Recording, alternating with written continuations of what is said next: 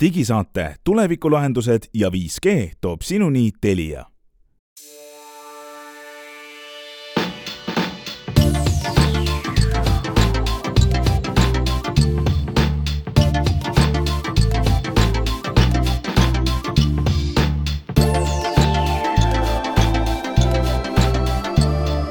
Tere, head kuulajad, kahekümne üheksas august, mis on meil augustikuu kõige viimane esmaspäev ja kõige viimane nimetatud digisaade on teiega. täna oleme stuudios meie Hans Lõugas ja Henrik Roonemaa. räägime, vaatame tagasi, mida nädal on meile toonud ja pakkunud. räägime uudiseid metaversumi maailmast, metast ehk siis vanasti ajast Facebookist, mida ootamatud muudatused seal juhatuses tähendavad, kuidas populaarne paroolihalduri tarkvara langes rünnaku alla ja kuidas Apple teatas et neil on üks suur üritus tulemas, millal ja mida sealt oodata võib, vaatame, viskame pilgu peale ja siis saate lõpupoole kutsume endale ühe külalise, inimese, kes naudib, on väga rõõmus oma uue Starlinki internetiühendusele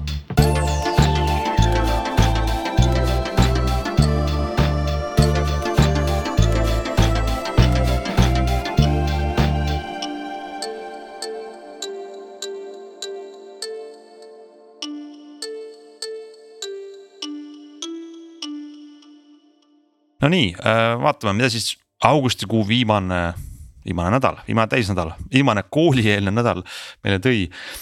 Äh, ma saan aru, et äh, sa vaatasid, mis segadused ähm, saadavad mm, meta, metaversumi saagat väga keeruline on ju. kuule, aga las ma küsin su käest, seleta ära oma sõnadega, mulle ja. ja kõigile kuulajatele, mis asi on metaversum? Ahahoo panen mind kuumale toolile kohe. jaa, absoluutselt, ega selles mõttes, et ükskõik, mis sa ütled, see on okei okay.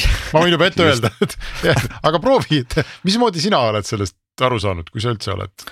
ja no vaata, ma arvan, et kui meie jutu kontekst algab ähm, Facebookiga ehk Metaga, siis nende jaoks metaversum peaks olema mingisugune uus ähm, suhtlusplatvorm, mis ei ole ähm, mis ei ole veebileht või mobiiliäpp, vaid äh, midagi, mis on visuaalne ja sellepärast ähm, sarnaneb 3D ruumiga liitreaalsus või virtuaalreaalsus või midagi sellist, et see on siis see metaversum, millest räägib ilmselt ähm, Zuckerberg. Ja, ja see tundub olevat ka suhteliselt tavapärane selline metaversumi äh, definitsioon, et äh, tegemist on 3D maailmaga, 3D sellise keskkonnaga, ja, ja eriti tore on, kui need keskkonnad on omavahel ühendatud ehk nad oskavad omavahel rääkida või, või mingis mõttes sa saad nagu asju ühest keskkonnast teise üle kanda, eks, et. et ta on nagu äh,, nagu pildi sisseminek mõnes mõttes või nagu internetilehe sisseminek, eks, et äh, selle asemel, et sinuga ma siin vaatan sinu videopilti, noh, me justkui äkki istuksime ühes ruumis. või ma isegi ei tea, kuhu me nagu jõuame, et selle asemel, et me võib-olla loeme, ma ei tea, Delfit või midagi, et siis me kuidagi läheme sinna nagu sisse. see asi on nagu 3D maailm ja võib-olla ta, ma saan seal hängida teiste Delfi lugejatega ja midagi kommenteerida või võib-olla. mida ma küll teha ei tahaks. läbi, läbi Ukraina lahingutandri kõndida nagu 3D mängu, ma 3D mängus, ma ei tea. Ja tegelikult ega keegi täpselt ei tea, sest ega väga palju seda metaversumit ju nagu olemas ei ole. ma saan aru, et on äh, hulk inimesi, kes on äh, väga suurde elevusse sattunud Fortnite'ist. Ja, ja leiavad, et Fortnite on metaversum, sest see on 3D keskkond kus äh, väga palju inimesi äh, käib ja kus nad oma aega veedavad ja, ja kus toimub lisaks mängimisele ja noh, nii-öelda sellele tulistamise poolele. toimub ka ikkagi üht-teist sotsiaalset, seal on kontserdid, mõnede maailma suurte staaride kontserdid olnud ja. aga, aga noh, päris metaversum ta siiski ei ole, sest täna me ikkagi vaatame teda oma arvutiekraanilt ja noh parem oleks, kui me vaataks seda läbi mingi virtuaalreaalsuse prillide, et meil on ikkagi päriselt tunne, et me oleme seal sees.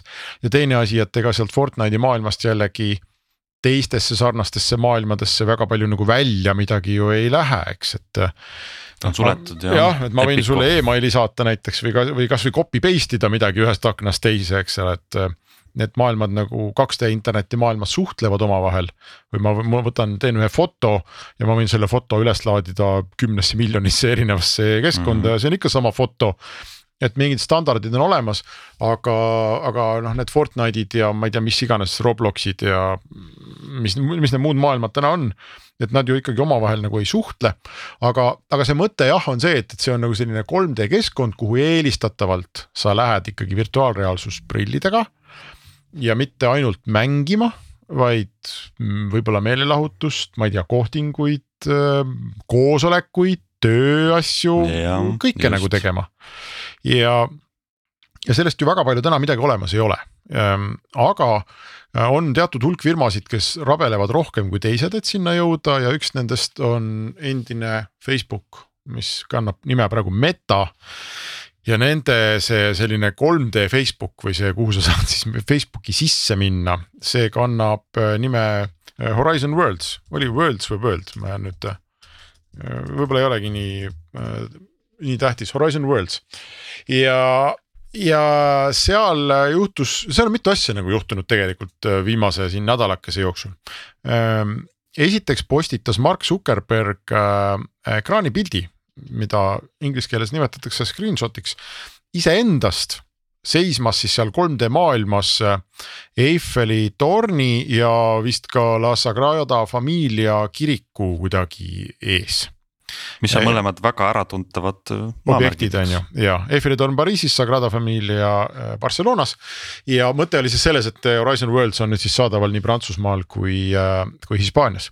Et see oli selline nagu reklaampostitus, aga ta, tema, tema enda see selfie ei olnud ju mitte temast, vaid tema sellest 3D kujukesest äh, selles Horizon Worldsi virtuaalmaailmas ehk metaversumi Zuckerbergist ja see nägi välja suhteliselt jäle. no mitte isegi jäle, vaid väga nagu kehva, kehval graafilisel tasemel, selline lame ka hästi kahemõõtmeline, hästi lame multifilmi tegelase selline surnud silmadega selline plassnägu ja ja siis inimesed hakkasid kõvasti nalja tegema selle üle internetis, igasuguseid meeme tehti ja Snapchatis kõvasti ja mujal ka. Ja, ja siis selle peale Zuckerberg postitas mõne aja pärast järgmise pildi, kus tema nägu oli juba, oli ikkagi selline multifilmi nägu, aga parem Mm -hmm. et selle eelmise, esimese versiooni kohta üks inimene kirjutas, et, et isegi teletupsude mäng Playstation ühe jaoks nägi parem välja kui Zuckerberg, Zuckerbergi see pilt seal virtuaalmaailmas no see oli.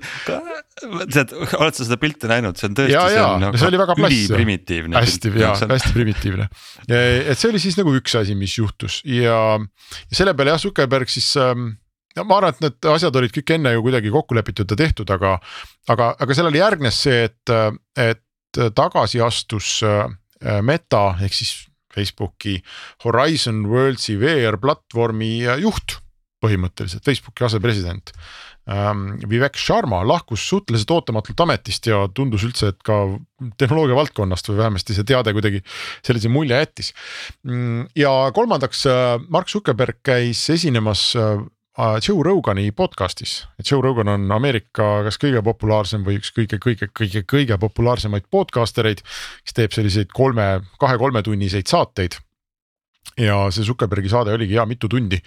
ja seal ta proovis kõigile maha müüa ideed sellest, et, et tema Horizon Worlds on ikkagi nagu väga kihvt ja tuleb ja, ja seal ta rääkis ka uuest peakomplektist, mis, mis hak-, mis peaks tulema oktoobris välja ehk siis virtuaalreaalsuse peakomplekt või see kopsik, mis pähe käib ja, ja sellel on teatud hulk äh, edasi jõudnud või selliseid advanced äh, omadusi.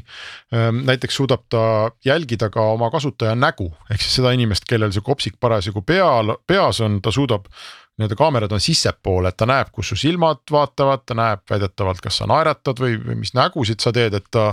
nagu tõlgib seda sinu selliseid näoilmeid või näoolemust äh, paremini metaversumi keskkonda ja sa noh, näed seal inimlikum välja no võib, võib-olla äh, Zuckerberg juba kandiski seda uut komplekti, aga ta on lihtsalt ise nii ilmetu näoga ei tea, aga no, no aga samas need äh, pildid, äh, mis ta postitas, on ikkagi väga erinevad, et üks see, mis ta siis päriselt seal keskkonnas oli.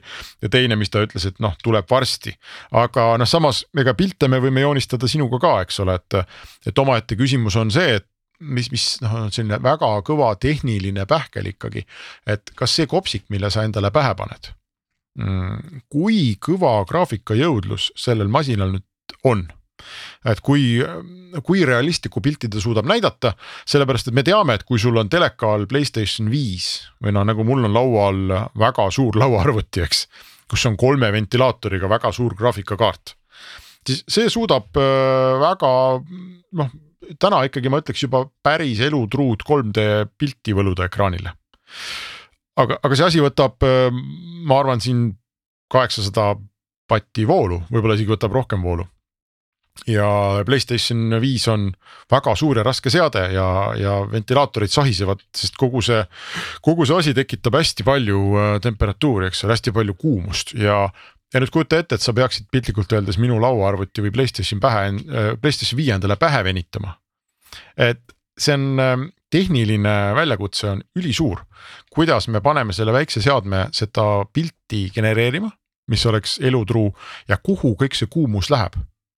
Ja, ja täna ei ole ka tegelikult nagu lahendust sellel ei ole. Ja, ja noh, saab näha, mida see Facebooki või Meta uus peakomplekt teeb, aga noh, füüsika ikkagi tuleb mingil hetkel ju vastu, eks, et, et palju nad seda imet teevad ma tahaks huviga näha, ma, ma ei ole nagu üli, ma olen natuke skeptiline, ma ette ei naeruväärista, aga, aga noh, siin on oma põhjused, miks ma sellest ka nagu üli väga palju yeah. ei julge oodata. Ja, ja sul on õigus. Ja, ja samas on see veel ka selline väga kõva noh, gambiit või risk eh, ehk et kas äh, selle laiema leviku takistuseks on tehniline võimekus.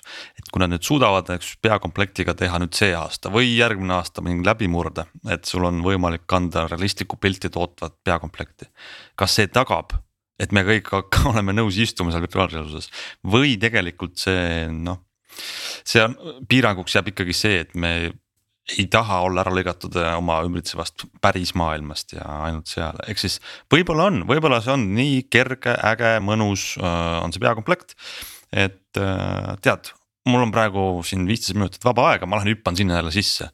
et ma nagu ise tahan sinna minna aga, aga mina ei ole veendunud, Zuckerberg võib sellest rääkida kolm tundi Joe Roganile, aga, aga ma arvan ikkagi, et see on selline risk ja gambiit ehk me keegi ei ole veendunud, et ainult aeg näitab ja, ja noh, puhttehniliselt mulle, kui ma täna peaks kihlvedusid sõlmima, et siis ma ähm, pigem julgeks vedada kihla selle üle, et see, see peaseade äh, ei hakkagi kunagi eriti mitte midagi ise arvutama vaid et mm -hmm. vaata nagu need mängu striimimise teenused on, eks, et kus kõik see 3D tehakse ära ikkagi kuskil serveri farm'is.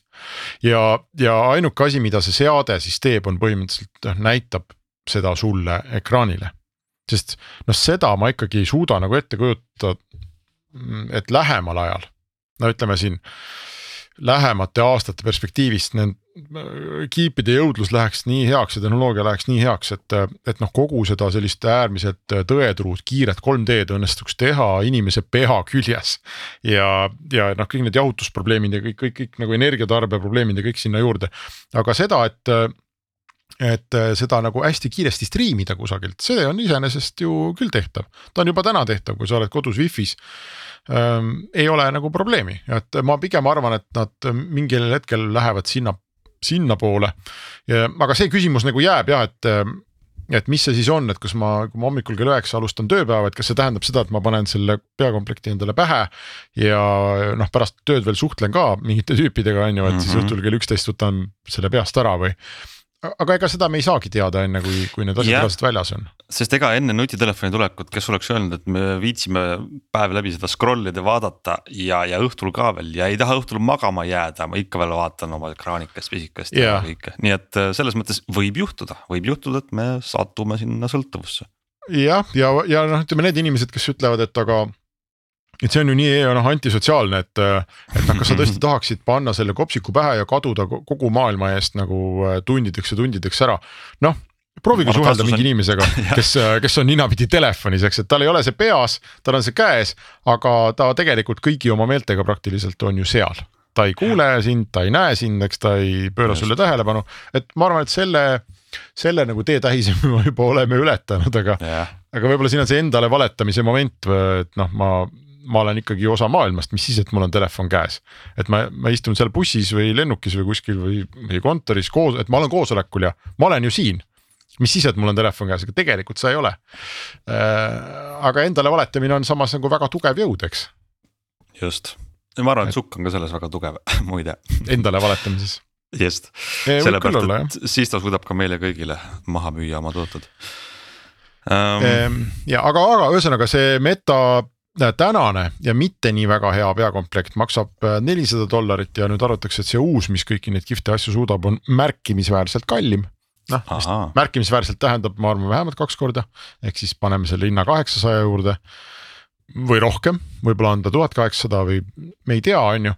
et, äh, et vaatame, kuidas selle nii-öelda massiadoptsiooniga on, et äh, noh, aga samas nutitelefon ei ole ka odav seade, eks, et ei ole, ei maksa viiskümmend eurot, ma arvan, keskmise, keskmine nutitelefoni hind, kui me kogu Eesti võtame, on kindlasti sadades eurodes. ja, ähm, ja inimesed ostavad, noh, ei kujuta ettegi, et väga paljud inimesed meie kõrvalt, ma arvan, tugev kolmveerand või rohkem ei kujuta ette, et nad ei kulutaks oma elus Äh, sadu eurosid nutitelefoni peale. ja see on äh, vältimatu väljaminek. jah, jah, nii et äh, näeme, me ärme lase põhja asja, mida ei ole. aga, aga ma arvan, et see horisont on või see, see asi, mida nad ehitavad, on pika vinnaga. ja kas see tuleb just sealt nii-öelda Facebookist välja, selles ma ikkagi julgen juba ette kahelda, et tavaliselt sellised kihvtid asjad tulevad mingitest kohtadest, kus, kus me ei oska oodata. ja võib vabalt Nokia olla. nii on jah, võib küll jah ähm,. aga, aga selge ta on, et äh, jääme ootama-vaatama ähm,.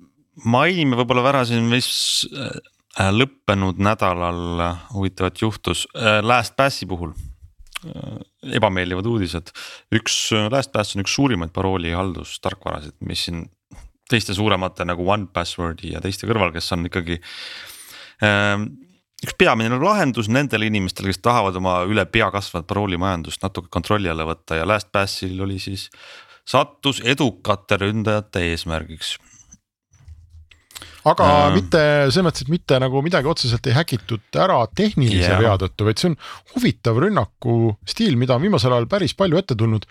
et rünnatakse inimest seal asutuse sees. ma saan aru, et mingi arendaja konto põhimõtteliselt võeti üle ja siis sul on hopp-hopp-hopp ligipääs väga paljudele asjadele, kui sa suudad ühe ja see firmas töötab tõenäoliselt sadu ja sadu arendajaid, eks, et see tõenäosus, et sa ühe mm -hmm. neist kuidagi vahele võtad, ära häkid, mis iganes äh, õngitsusrünnakuga meelitad kuhugi, et see tõenäosus on päris suur. ja, ja nad ütlevad küll, et praegu lõppkasutajad ei pea midagi tegema, et ei ole põhjust äh, muretseda oma paroolide pärast äh,. asja uuritakse, mida ründajad vist said kätte, on osa tarkvara lähtekoodist mis mõnes mõttes ei tohiks olla probleem, et hästi kirjutatud tarkvara on selline, et, et kui sa näed seda nii-öelda köögi poolt või, või koogiretsepti, see ei tohiks sulle anda mingisugust eelist selles osas, et. et leida mingid nõrgad kohad sealt üles, noh loodame, et see nii on. noh jah, aga samas äh, mina selle peale küll äh,, ma selles väga kindel ei oleks ausalt öeldes, sest et Ehm, muide, lõppenud nädal ju tõi veel äh, väga huvitavaid uudiseid selle kohta, et et Ameerikas ilmus välja üks vilepuhuja, kes väitis, et Twitteri turvalisus on absoluutselt alla igasugust arvestust, kuni ja. selleni välja, et Twitteri äh, tiimis töötab suht kindlasti vähemalt üks välisriigi agent ja et inimeste omavahelised vestlused, konto turvalisused, noh, kõik asjad on ligadi-logadi korralikult krüptimata, on näha inimestele, kes ei peaks neid nägema, nii edasi, nii edasi. ja, ja see vilepuhuja väga huvitaval kombel oli endine Twitteri mm -hmm. turvapealik. ja väga veider lugu. see oli aastaid tema ülesanne ja nüüd ta läks, ta vallandati aasta alguses või, või isegi veel suhteliselt hiljuti eh, eks see viimasel ajal vallandati ja selle peale ta läks siis USA võimude juurde vilet puhuma, kui halvasti on kõik Twitteris kuidagi meenub nagu paralleellooga, kus üks kõrge lobist aitas Uberit maha müüa eri riikides ja siis pärast tuli välja looga, kurtis, et see kõik on nii ebamoraalne. jah, kõvasti müüdud. Ähm, aga, aga noh, vaata, see on, äh, oleks see mingi selline tavaline mm, mõnes mõttes nagu tavaline töötaja või reatöötaja, siis me võiks öelda, et noh, ta ei teadnud kõike ja talle ei näidatud niikuinii ja ta kujutab endale asju ette. aga turvapealik, ma arvan, teab suhteliselt hästi, mis ta teeb ja, ja selle taga veel on see, et, et ka Elon Musk, kes siin vahepeal Twitterit ostmas oli, esitas äh, kohtunõude äh, Twitteri endiselt juhilt ja suuromanikult äh, Jack Dorsilt mingite dokumentide kättesaamiseks ja need kõik asjad on noh, kõik ütlevad, et need ei ole üldse omavahel seotud, aga mm -hmm. sellesama turvapealiku palkas Jack Dorsey ise ja noh, see oli, see turvapealik oli väga palju nagu Jack Dorsey mees Ehm, kes seal Twitteris oli ja ka paranoia inimesed räägivad, et, et, et Jack Dorsey umbes ise organiseeris selle, et Elon Musk kaebaks ta kohtusse, et tal, ta oleks sunnitud mingeid dokumente Elon Muskile näitama ja noh. see on hästi suur selline Ladina-Ameerika seebiooper toimub seal, aga, aga ikkagi see küsimus, et kuidas see turvalisus siis ikkagi reaalselt nendes meie maailma jaoks väga olulistes ettevõtetes on korraldatud, noh ja, ja kui keegi minu käest küsiks, et kas on korraldatud, siis ma pigem ütleks, et see ei ole nii hästi korraldatud, kui me siin tahame arvata. ja siin on muide üks äh, väike nüanss, mis on väga oluline rääkida, täpselt see näide, et kui sul on ründajad no, sihivad mõnda töötajat, saavad ligi siis mingisugusele kaitstud infole, mida nad sellega teha saavad. et nagu ma, ma tahan loota, et LastPass on korralikult ehitatud ja seal sa saad lähtekoodi ja selle tõttu sa ei saa ligi kõikide klientide paroolidele mis on muide paralleelselt täpselt õppetund Twitteri probleemist.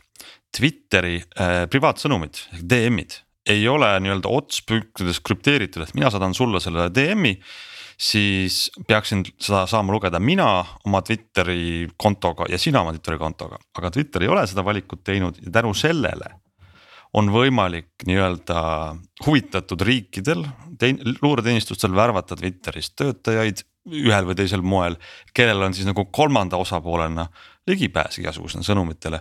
et see tegelikult on ka sellise IT arhitektuuri ja lähenemise küsimus, et sa ei saa lootma jääda, et sinu töötajad on lojaalsed, sest et noh, mis iganes maailmas juhtub ja, ja, ja ikkagi kõik need vilepuhumised ja kõik need häkkimised, need pigem näitavad, et me et, et nendel inimestel ikkagi on nagu tuline õigus, kes ütlevad, et kui sa midagi internetti paned, siis arvesta sellega, et see võib noh tulla välja, isegi kui sa usud, et see on turvaline ja privaatne. Et ja et need suured firmad ikkagi, need koosnevad ju inimestest ja, ja noh, väga suurtel IT-firmadel on siin kümneid, kui mitte sadu tuhandeid töötajaid ja noh, puht inim-, inimlikult on nagu võimatu arvestada sellega, et, et need inimesed on kõik ilusad ja head ja. ja ülitargad ja teavad, mis nad teevad ja protsessid on hästi juhitud, et ma arvan, siin on hea, hea selline mm, enesekontroll on, et mõelge selle ettevõtte peale, kus te ise töötate. ja mõelge, kas äh, nagu täitsa nagu äh, sisemise veendumuse kohaselt, kas seal on asjad nagu hästi ja nii, nagu nad peaksid olema no mina ei ole näinud sellist ettevõtet, iga ettevõtte sees on tegelikult ülipalju lahtisi otsi, mingeid noh, et kuidas vorsti tehakse ja ükskõik, mis ettevõte see on. see on mingi kohvik kuskil või see on maailma suurimaid IT-firmasid. mingis mõttes selline ehitamisega kaasnev korralagedus on alati igal pool olemas. ja, ja oluline, kuidas lihtsalt reageeritakse võib-olla ka siis sellele, et kas on mõni vilepuhuja, kes ütleb, et teda pole aastaid kuulatud ja ta läheb rääkima või, või, või probleeme teadvustatakse ja, aga kui me aga... räägime siin juba suurtest ettevõtetest, Hans mm, -hmm. mida Apple välja toob äh, umbes täpselt nädala aja pärast? nüüd on no, see võt. nädalane moratoorium, nüüd ei tohi midagi osta, ühtegi Apple'i toodet igaks juhuks. ja ma arvan, et see on kõige tähtsam uudis praegu kõigile inimestele, et kuulge, et hoidke nüüd hobuseid, kui te lähete ostma mingeid asju. eriti et, iPhone'i jah. jah, seitsmes september on nüüd, kui ma õigesti näen, on järgmise nädala kolmapäev. seitsmes september peaks, ütles Apple, et neil on tulemas suur üritus. andis sellise vihjeid täis kutse, muidugi ametlikult midagi ei öelnud, aga mida me teame, et kindlasti on tulemas ikkagi uus iPhone neliteist ja, ja, ja eriti ootavad siin äh, tööstusharuga kursis olevad allikad äh, iPhone neliteist Prod ja Pro Maxi, millest peaks olema midagi huvitavat aga mis see on, äh, noh nüüd on see koht, kus kõik, kes kasutavad Android telefone, võivad minna võileiba tegema kööki sest oodatakse iPhone'ilt suurema sensoriga kaameraid, oodatakse sellist ekraani telefonil, mis kunagi ära ei kustu, alati püsib mingi pilt ees, kasvõi kellaaeg. ja muid uuendusi, mis iPhone'i maailmas on, on ju võimsad. Äh, aga üldisel äh, nutitelefonide turul ei ole midagi erakordset mida, mida veel ma vaatasin, on ah kellaseeriad uh,. uus, uus seeria kell peaks tulema, kaheksanda seeria kell, mille puhul huvitavam on siis mingisugune uus pro versioon uh,. mis peaks olema kuidagi vastupidavam, kas löökidele, kasutuseks, kas sellel on ka pikema vastupidavusega aku, noh kõik tahaksid väga teada, eks me siis kuuleme um,. aga, aga millegipärast ma ei tea, mu sisetunne ütleb, et ei maksa väga loota ja uued kas kõrvaklapid vist ka. USB-C-ga, mina, mina oleksin Aha. Ahah. väga rahul ja veend-, veendud, kui ma saaks sellest Apple'i lightning kaablist lahti, kui oleks USB-C-ga iPhone mm, -hmm. oleks. USB-C-ga iPhone, need äh, iPods Pro kõrvaklapid. et ma ühe kaabli saaksin oma elust eemaldada, aga see oleks väga selleks suur vist uudis. oleks aga väga seda ja järgmisel aastal me küll ootame seda kindlasti, kui mitte ja. juba sel aastal, et see võib olla selline väike, aga samas äh, noh, suur mugavusuudis väga paljudele äh, Apple'i kasutajatele. sest Apple ise on ka ju lõhki, et väga paljud tooted ongi USB-C peal mm. -hmm., noh ka laadimise mõttes, eks ole, sülearvutid, osad, enamus iPad'e isegi.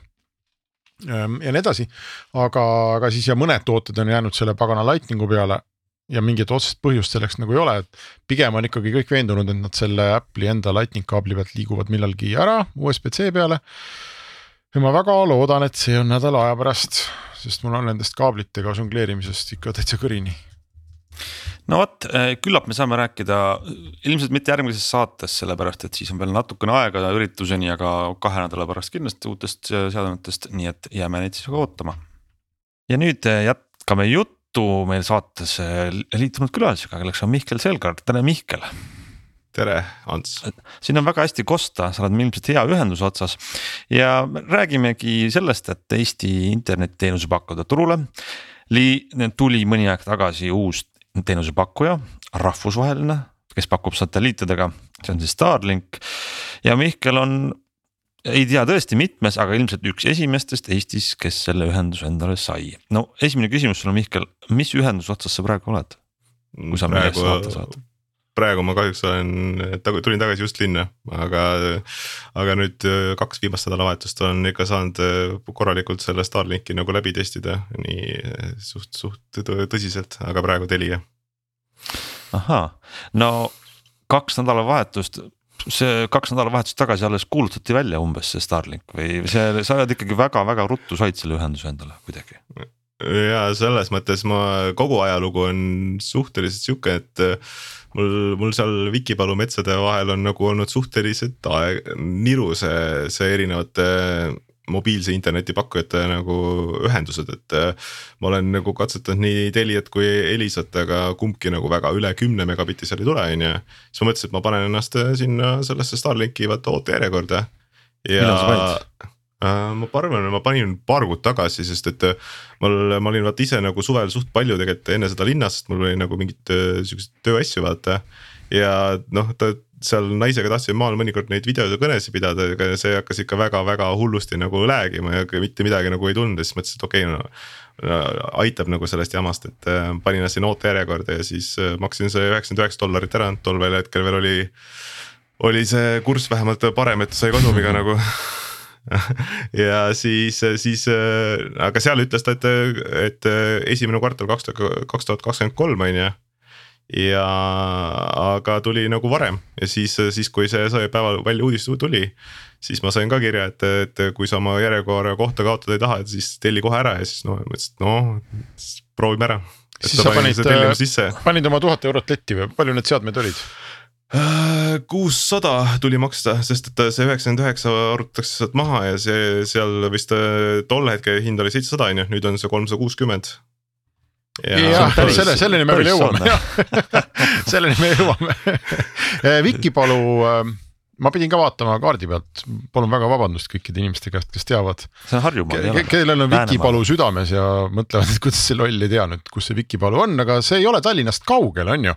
see on tegelikult ei. Kuusalust natuke lõunasse, see on Ahah. tegelikult Aegviidu rongitee peal sisuliselt see koht, eks, see ei ole noh Jaa. mingi täielik nagu noh, Eesti mõistes mingi hull perifeeria, see on Tallinnast mõnikümmend kilomeetrit. Ja ei, seda küll, et see on ja Kehra paberivabrik on ise seal väga lähedal.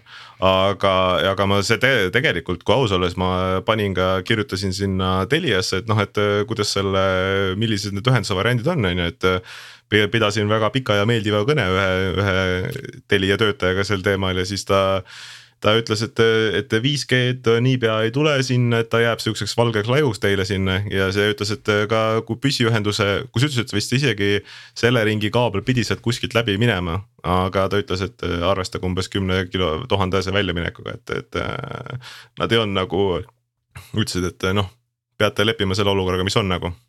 sinu see asukoht on siis ütleme, ei ole kuskil suure küla või alevi keskel, vaid ikkagi eemal tsivilisatsioonist natukene ja ikka, ikka selles mõttes, et äh, ma ütleks nii, et kümme aastat tagasi oli lai just selle koha peal mets tegelikult selles mõttes, kus mm., kus see, kus need, see asu, asumine praegu on seal.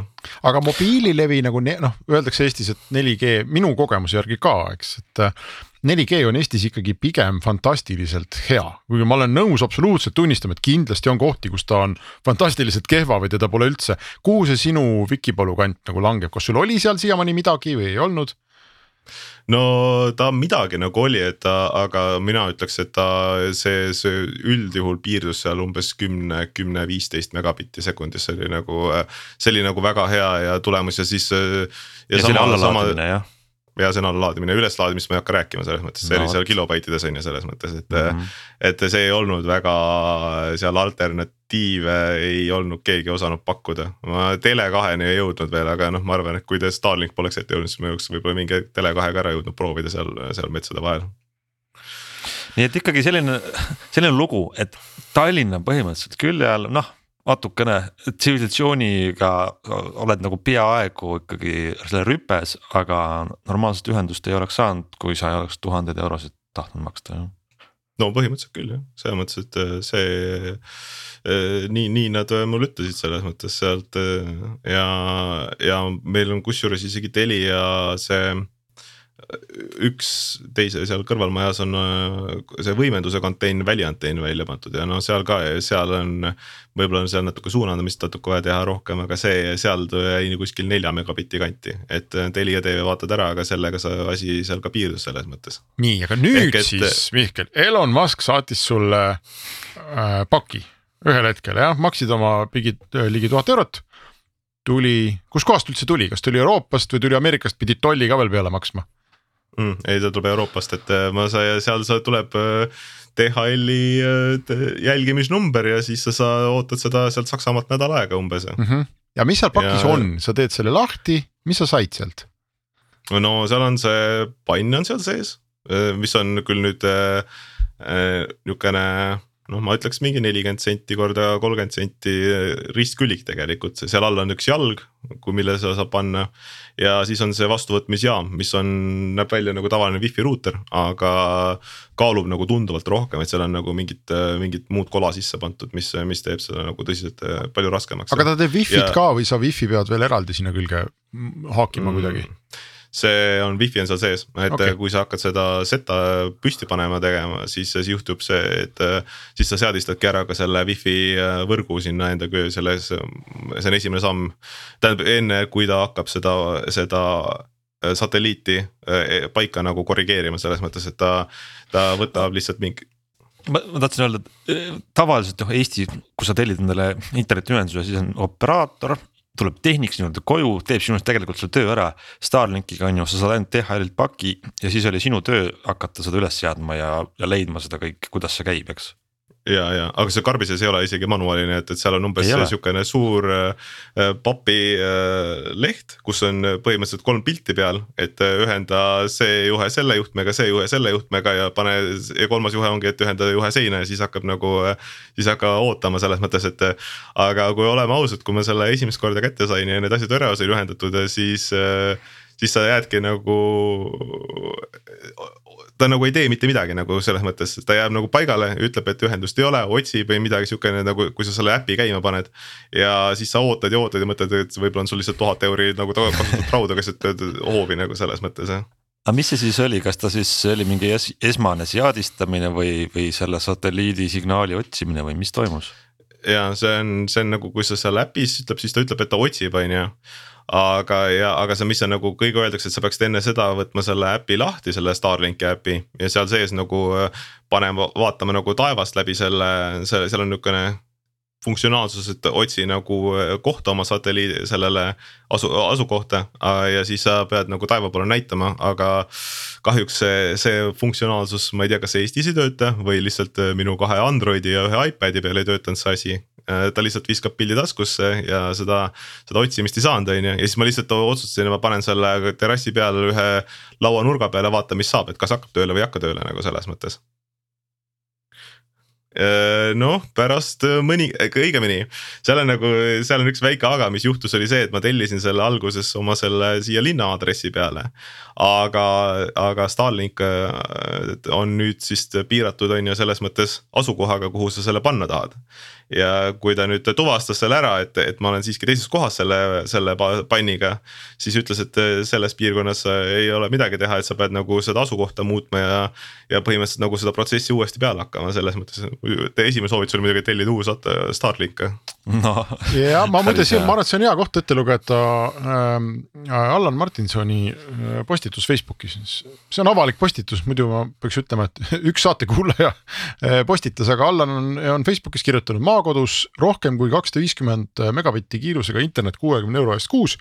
Telia Elisa, tehke järgi ja tema muljed on sellised, et, et asjade karbist väljavõtmine ja ülespanemine võttis umbes minuti, üks juhe seina, teine ruuterist antenni ja siis see satelliit keeras ennast äh, lõuna suunda. aga temal oli ka selline mure, et esimesel kahel päeval ta ei saanud internetti äh, kätte ja põhjus oli ilmselt selles, et esmane registreerimine oli Tallinna aadressile ja siis ta tõstis Saaremaale selle ümber ja ta kirjutas Starlinki äh, toote toele või sinna toe mingile meiliaadressile või või kuhugi ja see lahendas paari tunniga olukorra ja, ja esimene päev tuli tal kakskümmend kuni nelikümmend megabitti alla, kuid siis hakkas taevast voolama uskumatult kiire kakssada viiskümmend megabitti sekundis downlink, mis on kaks koma viis korda enam, kui Starlink ise lubab ja upload on kogu aeg kahekümne megabitti kandis. Ja temal oli sama lugu, et, et need, mis mobiilioperaatorid pakkusid, olid seal kuus-seitse megabitti sekundis ja, ja äh, Telia toob talle Äh, viiskümmend, aga kakssada viiskümmend on ikkagi täiesti teine tera. mis need sinu kiirused siis Mihkel on, kui me räägime nüüd sellest, et kui hea see asi on või ei ole? oi, see on ikka öö ja päev on ju, selles mõttes, et minu, minu vahemikud jäävad äh, seal sama saja kuuekümne ja kahesaja kahekümne vahele, et ta kõigub, aga aga tal vist mingitel hetkedel, kui ta satub, ma ei tea, mida ta teeb, aga ta mingitel hetkel nagu äh, toimuvad niuksed äh, katkestused, need on niuksed hästi lühiajalised. Äh, kui sa nagu telekat vaatad või internetis surfad, sa ei saa selle aru, aga kui sa VPN-is oled, siis kui see VPN on nagu väga tundlik, siis ta viskab sind VPN-ist välja visata. või kui sa midagi nagu... suurt erakordselt olulist alla või üles laed, siis võib olla probleem, eks mm,. jah, seda küll. kui aga, tihti need sage-, aga, aga need katkestused, kas need on nagu, ma ei tea, kord veerand tunni jooksul või kord päevas või mis sagedus umbes on? No see, kui ma eelmine kord, eelmine nädal tegin, siis ta vist jäi mingisugune majanurk või midagi ette, siis ta tegi seda nagu iga minut tagant siukse väikse hästi lühikese katkestuse. aga kui ma viisin natuke kaugemale majast, siis, siis ta nagu on, see kadus ära vaata selles mõttes, et ta siis, siis sa ei ole nagu. aga ma ütlen, kui sa tavalist äh, surfamist teed, sa ei, sa ei saa seda lihtsalt aru. tavaliselt aga... ja, muidugi ei saa ja, ja aga et kui mingisugune noh, tõesti. ma ei tea, minu näiteks töö seisneb selles, et ma paar korda nädalas laen nelja gigaseid faile üle üles, on ju, et võib-olla see oleks probleem, ma, ma, ma ei tea, võib-olla mingid teenused oskavad sellise katkestusega hakkama saada, kui upload kukub mm -hmm. maha, et, et ei tea ja, aga, aga kiire üleskiire laadimiskiirus samamoodi kahekümne kanti, et, et see on noh ikka väga drastiline erinevus sellega, mis, mis ta on. aga mis ma võin öelda, et sa saad, saab seda õnneks seda asukohta siiski ka ise seal sees ära muuta nagu läbi selle, selle konto, et ma, mina too aeg muutsin selle ära, et ma ei osanud muidugi täpset aadressi panna sinna, lihtsalt lasin tal. põhimõtteliselt on need interneti koordinaadid seal, aga, aga ainukene suurem probleem, mis ma nagu kõigist nendest, kui mul on igasuguseid striimingu teenuseid, siis. siis on Go3, mis ei tööta Starlinkiga nagu selles mõttes. huvitav, miks, kas seal on mingi IP? et sa tahad teenust vaadata ja mis siis juhtub? too ta lihtsalt ei avane, et ta jääb nagu Aha. väga hangub ära ja kuna minu põhiline striimingu vahend seal teleka jaos on Chromecast with Google tv ja seal nagu äpina on see kasutusel ja ta lihtsalt ei tööta ja ma suhtlesin tegelikult Go3 klienditoe ka. ja nende suht, suht, suht suur veendumus on see, et ma kasutan VPN-i esimene hoog mm -hmm. oli, ütlesid, et Starlinki pole Eestis saada ja et palun pange oma VPN kinni Teil on VPN nimega Starlink, et palun lõpetage selle kasutamine. ja, ja aga no selle, et ma nagu kindluse mõttes tahtsin üle kontrollida, siis ma Telia tv, mis on samamoodi seal äpina kasutuses, töötab ilma probleemideta. Apollo tv, täna lihtsalt huvi pärast tahtsin katsetada, töötab ideaalselt ja Viaplay töötas samamoodi ilma suurte probleemideta, nii et, et ainukene, kelle, kellega nagu see hakkama ei saa, on see Go3 selles mõttes et äh, ja ma arvasin, et noh, et eelmine nädal võib-olla lihtsalt äkki mul vale IP aadress ja lasin uuendada, mida iganes, tulin see nädal uuesti, mitte midagi. aga see pigem äh, tundub siis, et see küsimus, et mitte, et nagu Starlink piiraks äh, streaming'u teenuste kasutamist, vaid et pigem tundub see pudelikael olevat Go3 poolel ja,. jah, jah ja noh, noh nii et, et ma võin käsi südamele panna, et selle ma võin kõige muu jaoks kasutada VPN-i, aga selle jaoks ma nüüd VPN-i küll ei kasuta nagu selles mõttes mm. -hmm. Ehm, kuidas selle, ehm, sellesama vastuvõtja asukohaga on, et ma mäletan, kui Starlink tuli, siis ja Eestis teda ei olnud veel ja siis need Ameerika erinevad tehnoloogiaväljaanded testisid ja noh, siis neil oli ikkagi.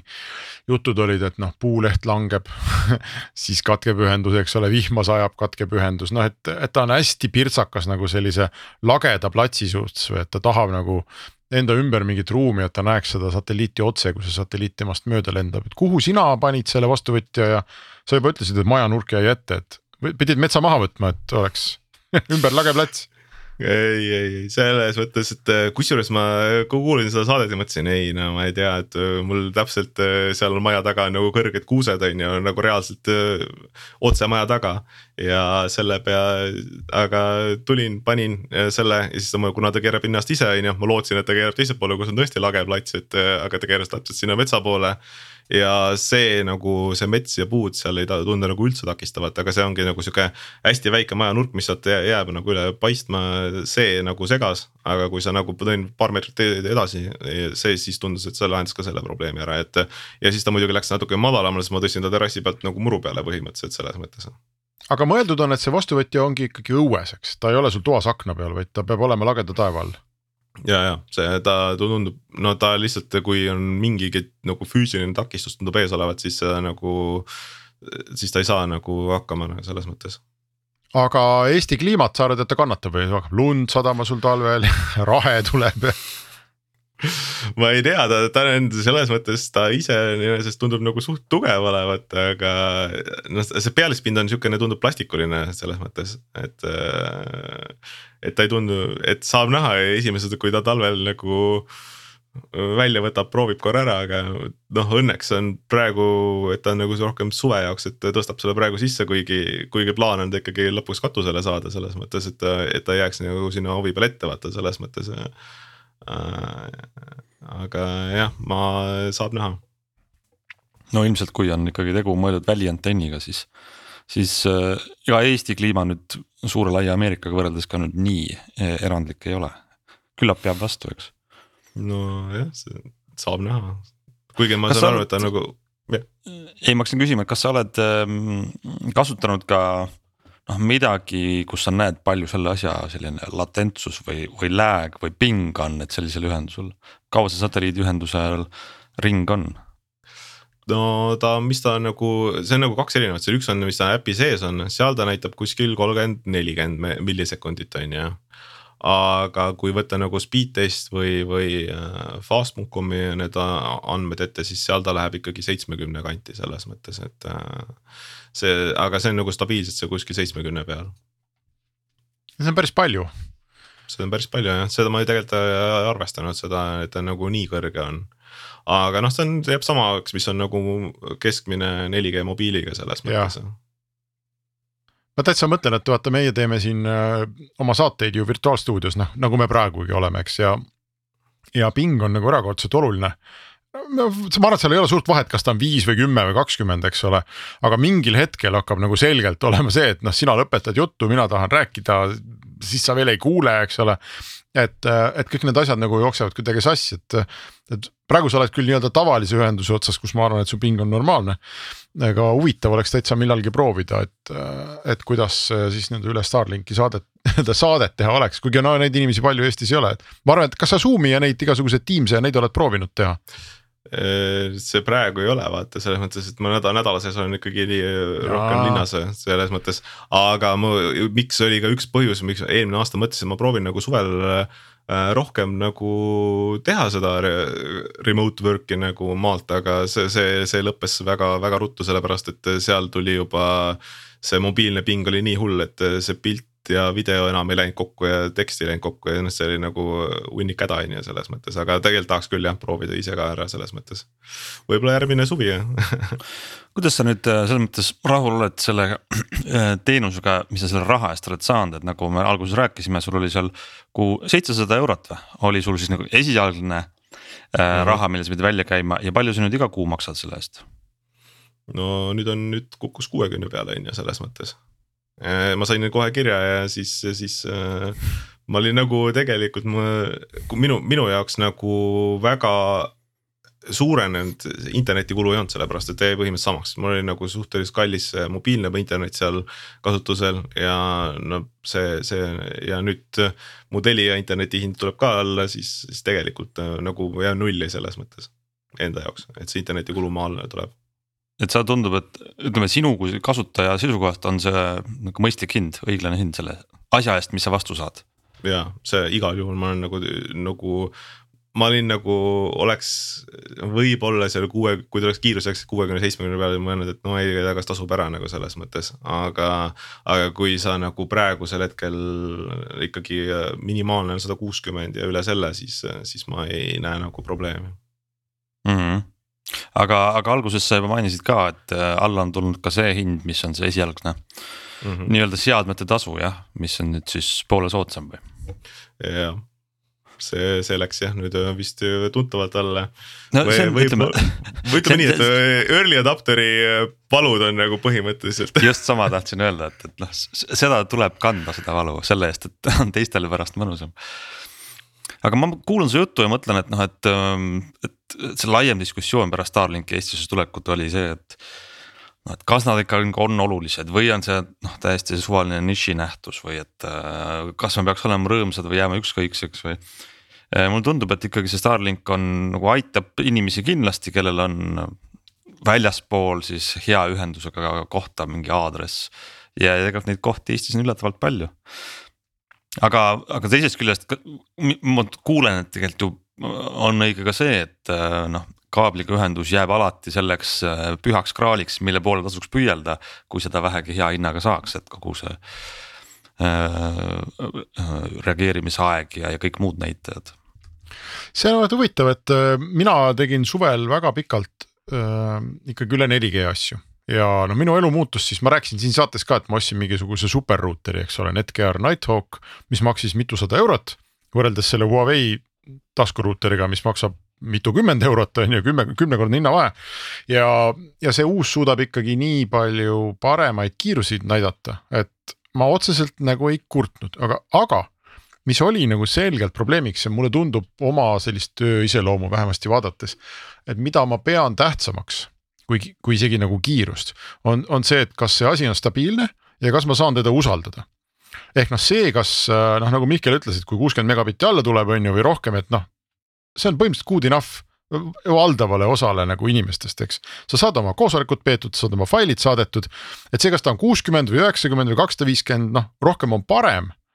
Aga, aga mis selle 4G nagu selge probleem oli see, et ma nagu sada protsenti teda ikkagi usaldada ei saanud, et olid mingid hetked, kus ta lihtsalt kukkus maha ma ei tea, jäi aeglaseks, tekkis mingi seisak. Äh, noh, me oleme isegi saateid tegime, kus ma kadusin viieks minutiks ära, eks ole. sest et noh, pidin, ma ei tea, teise ühenduse peale ümber lülitama ja, ja vot kaabliga siukseid asju kunagi üldiselt noh, kunagi ei saa öelda kunagi, aga tavaliselt ei juhtu.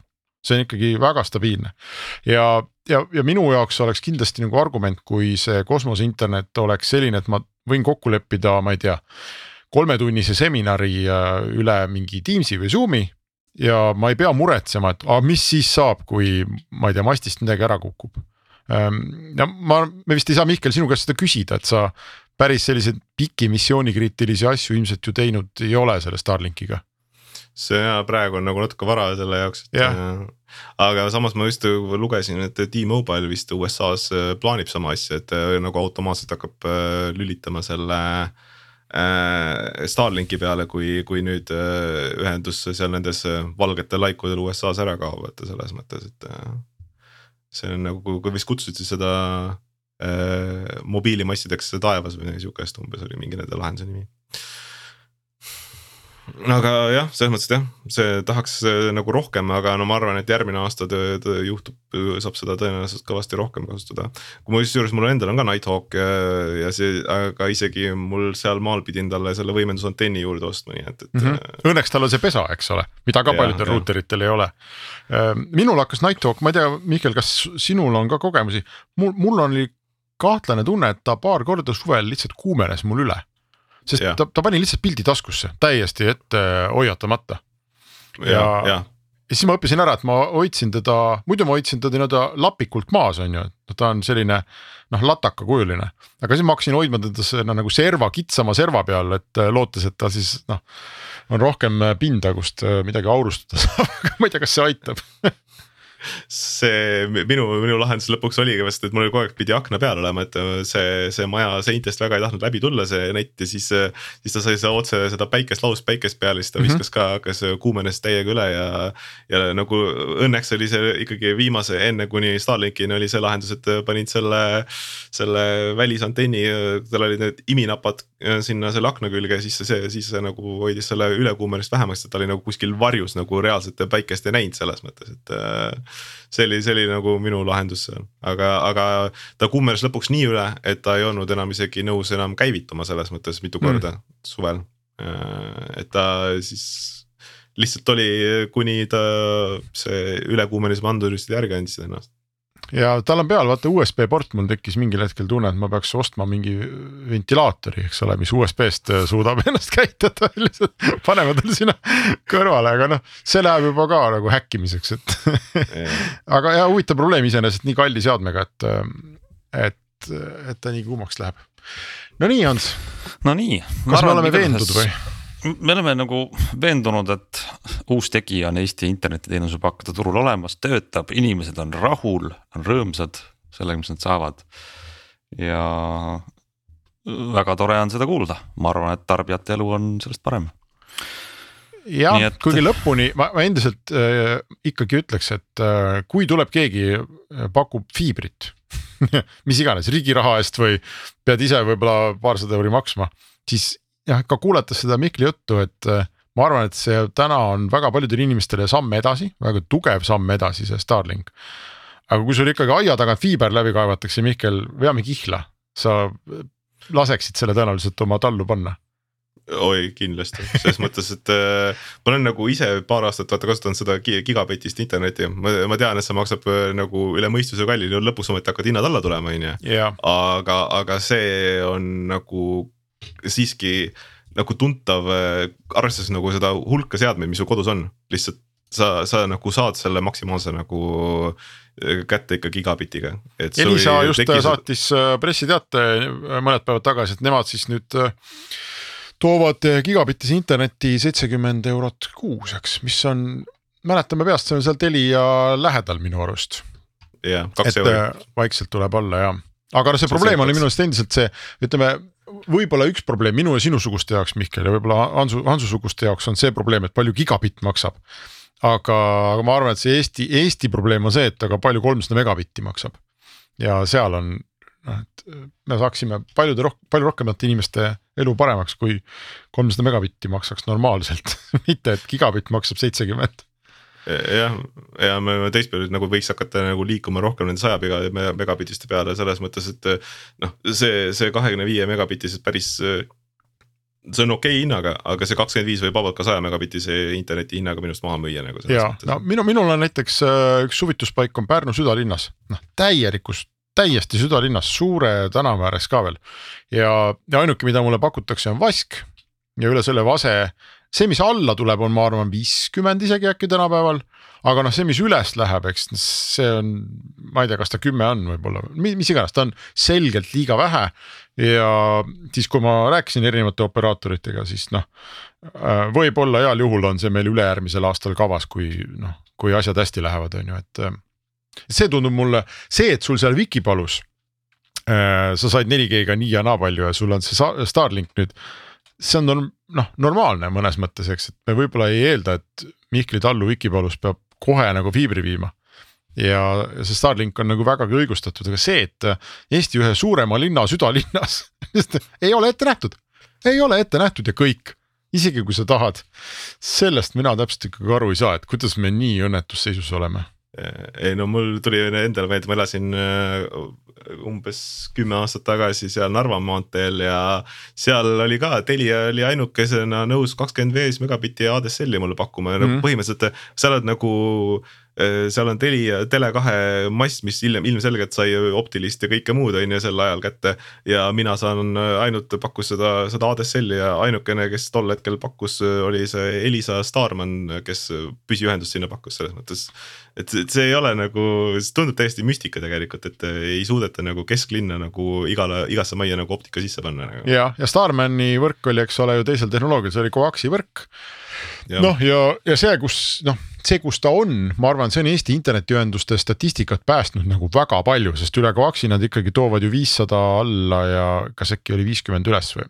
Mm. -hmm. et, ähm, et, et päris sünkroonset seal ei tehta, aga noh, siiski see on normaalne, aga võrreldes sellega, mis tuleb õnne üle selle õnnetu vase et kui me kunagi nii kaugele ka jõuaks, et jah, suurte linnade nagu keskustes saaks paremat ühendust kui viiskümmend alla ja kümme üles, see oleks päris äge võib-olla peab Starlinki võtma sinnasamasse Pärnu südalinna ka. no ma arvan. jah, jah, miks mitte, on ju jah, täpselt, see nagu, ta tundub nagu, et tema jaoks ei oma tähtsust, kus kohas on, ta on nagu enam-vähem normaalne nagu nähtavus äh, selle taevaga selles mõttes. Äh, Starlinki osas ma arvan. Aga ta on kuradi suur selles mõttes, et see päris nagu äh, pisikesesse autosse, kus sa nagu kõik muu varustuse tahad ära mahutada, siis seda Starlinki päris kaasa ei tassi selles mõttes.